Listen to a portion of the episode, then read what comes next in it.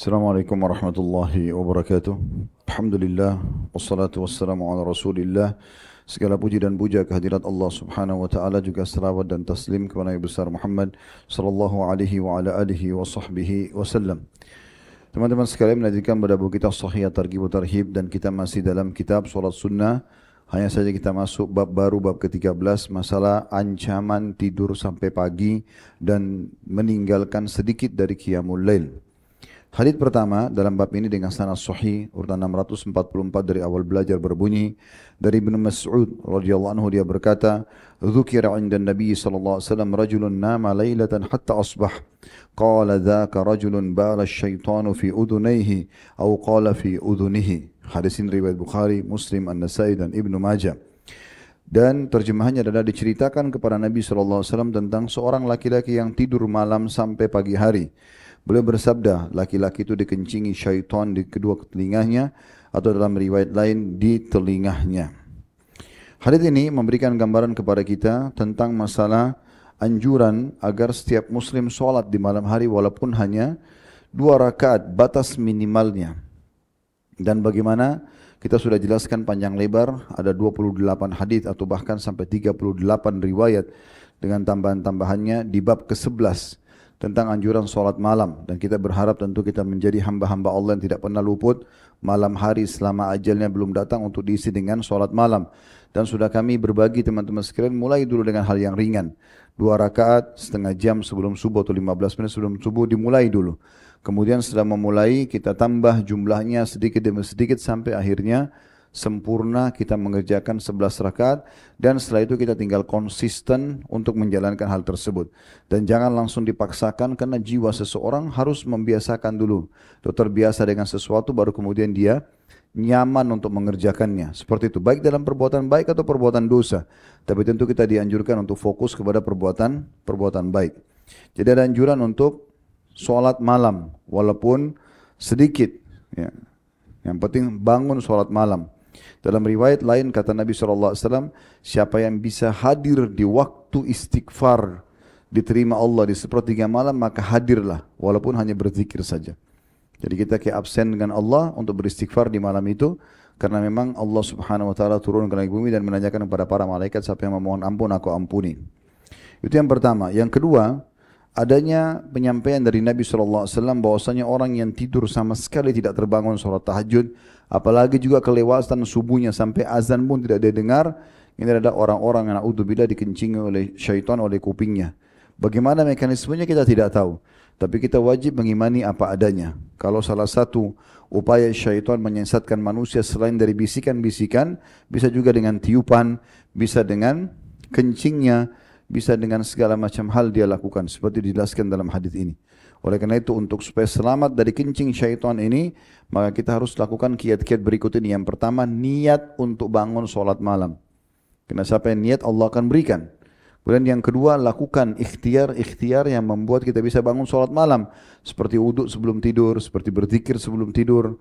Ini juga perlu dilakukan. Balik sisi kanan, sebagaimana sudah kita jelaskan di bab zikir-zikir pada saat mau tidur sebelum bab anjuran solat malam, tepatnya di bab ke-10. Dan saya sudah anjurkan teman-teman yang mau berminat untuk foto, bisa foto hadis-hadisnya, bisa lihat di buku ini. Saya letakkan di mimbar ini supaya bisa diperhatikan kembali, direview kembali. Yang hadis Nabi SAW, siapa yang mau tidur malam hari, ya kemudian dia berudu balik sisi kanan, ya kemudian membaca doa, maka pada saat dia bangun, maka uh, akan diampuni dosanya dan kalau dia berdoa juga akan diijabah. Dan kalau dia meninggal meninggal dalam keadaan fitrah. Kalau hidup hidup dalam keadaan dipenuhi nikmat Allah Subhanahu wa taala kepadanya. Oleh karena ini kiat-kiat ini harus dilakukan supaya jangan disia-siakan. Ingat hadis Nabi SAW tentang dianjurkan zikir. Ya 33 sebelum tidur. Uh, subhanallah alhamdulillah dan Allahu akbar. Dan kata Nabi SAW amal ini ringan. Pahalanya banyak melimpah bisa sampai 1500 pahala Allah berikan tapi sedikit orang yang mengajar, mengerjakan. Kata para sahabat, bagaimana itu ya Rasulullah? Kata Nabi SAW, pada saat kalian ingin tidur, maka syaitan akan menyibukkan dia sampai dia tertidur dan akhirnya tidak bisa dia amalkan amalan tersebut. Hadis yang kedua, sahih di ghairihi, menjadi sahih karena dikuatkan dengan riwayat-riwayat lain, urutan dua dalam bab ini, urutan 645 dari awal belajar, dan diriwayatkan pula oleh Ahmad dengan sanad sahih dari Abu Hurairah dan mengatakan di telingahnya, maksudnya potongan hadis tadi dikencingi telingahnya. Dengan kata tunggal tanpa ada ragu. Dan juga dia menambahkan di akhirnya perkataan Hasan rahimahullah seorang ulama tabi'in inna baulahu wallahi thaqil. Ketahuilah sungguhnya demi Allah kencingnya syaitan itu berat. Maksudnya kalau dia sudah sampai kencingin karena tidak zikir ya sebelum tidur tidak wudu tidak balik sisi kanan ini berat maksudnya memberatkan orang untuk bisa mendengarkan suara azan pengalaman juga teman-teman sekalian disampaikan oleh para ulama salaf bahwasanya salah satu penyebab orang tidak dengarkan azan selain godaan syaitan juga dosa-dosanya Kapan orang itu banyak dosa, maka pastikan dia sulit sekali untuk bangun sholat malam. Begitu juga dengan subuh berjamaah di masjid. Kata Abdullah bin Umar, radhiyallahu anhu, sahabat Nabi yang mulia ini ahli ibadah, terkenal dengan sahibut ta'assi, orang yang selalu fanatik dengan apa yang Nabi SAW kerjakan, dia paling pertama kerjakan. Apapun Nabi kerjakan, dia susahkan yang paling pertama kerjakan dan konsisten ikuti. Abdullah bin Umar. Beliau mengatakan, saya pernah berbuat dosa kecil, sudah cukup Allah haramkan saya untuk berjamaah ke masjid sholat subuh selama satu bulan. Jadi memang dosa itu pengaruh juga. Oleh karena itu dosa harusnya dijauhi semaksimal mungkin.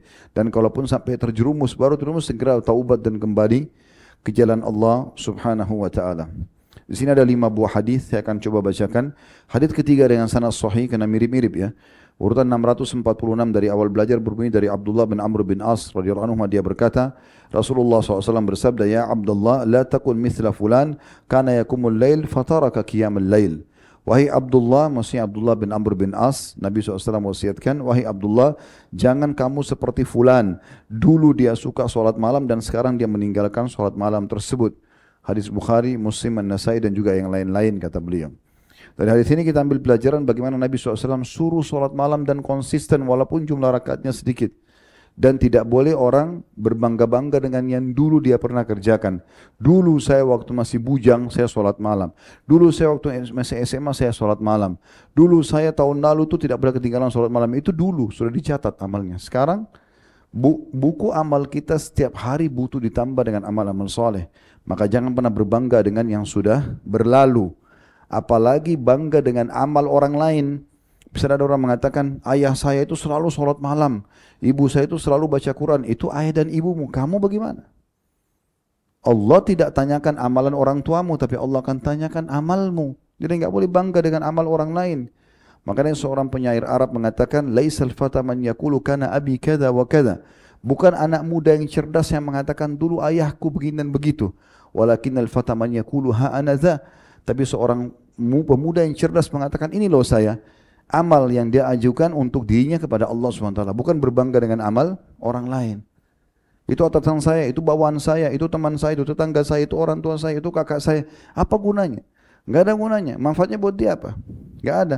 Dianya akan ditanya oleh Allah subhanahu wa ta'ala secara pribadi. Hadis keempat dengan sanad sahih. Urutan 647 dari awal belajar berbunyi dari Abu Hurairah radhiyallahu anhu bahwa Rasulullah SAW bersabda, "Yaqidu syaitanu ala qafilati ra'si ahadikum ila huwa nama thalatha uqad, yadribu ala kulli uqdatin, alayka laylun tawilun farqud, fa in istakada fa dhakara Allah in hallat uqda, fa in tawadda in hallat uqda, fa in shalla in hallat uqda, fa asbaha nashitan tayyiban nafs wa illa asbaha khabithan nafsi kaslan." Hadis ini sebenarnya sebelum saya terjemahkan sudah kita baca di bab keutamaan solat malam ya. Di sini diulangi lagi.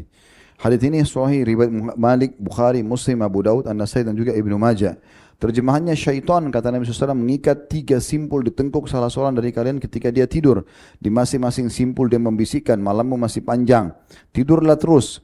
Jika dia bangun lalu berzikir kepada Allah maka satu simpul terbuka. Jika dia beruduk maka satu simpul terbuka dan jika dia solat maka satu simpul terbuka sehingga dia menjadi orang yang bersemangat dan berjiwa ceria. Tapi jika tidak maka dia menjadi orang yang berjiwa murung dan juga malas.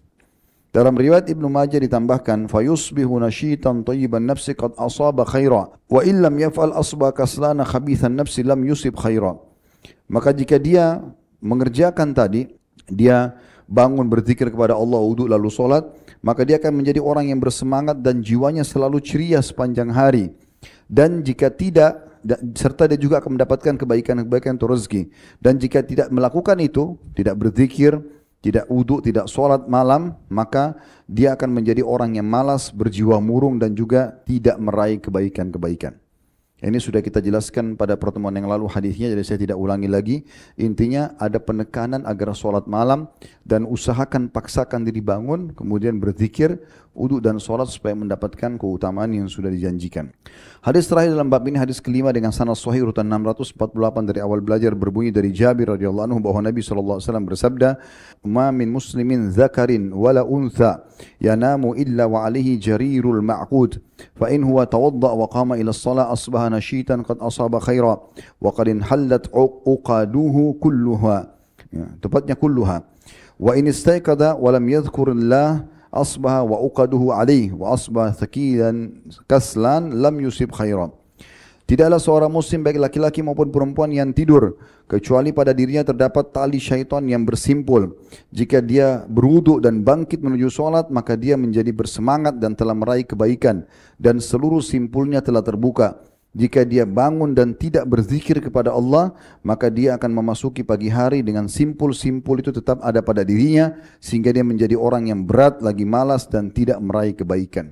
Hadis ini diriwayatkan Ibnu Khuzaimah dan juga Ibnu Hibban dalam sahih keduanya. Dari hadis ini teman-teman kita ambil pelajaran penting bahwasanya seseorang kalau ingin rajin, semangat, selalu ceria harinya, dan bahkan sebaliknya tidak akan punya pikiran-pikiran buruk, tidak akan malas, maka kuncinya adalah bangun di malam hari. Bangun, jadi diprogramkan sholat malam itu, haruskan diri kita. Walaupun hukumnya sunnah, kita yang programin. Kalau kita sudah mulai niat, kita atur kiat-kiatnya, tidur lebih cepat, uduk sebelum tidur, zikir, maka ini insya Allah akan memudahkan pada saat terkaget kita langsung kemudian zikir, wudhu dan solat, maka kita akan mendapatkan keutamaan ini. Selain doanya diijabah, dapat pahala besar karena solat malam dan yang penting adalah dijanjikan dalam dua hadis terakhir ini, jiwanya akan ceria, dia juga akan mendapatkan kebaikan-kebaikan. Sebaliknya kalau dia tinggalkan ini, maka berarti dia akan murung dan juga akan malas. Allahu alam. Semoga Allah mudahkan kita mengamalkan.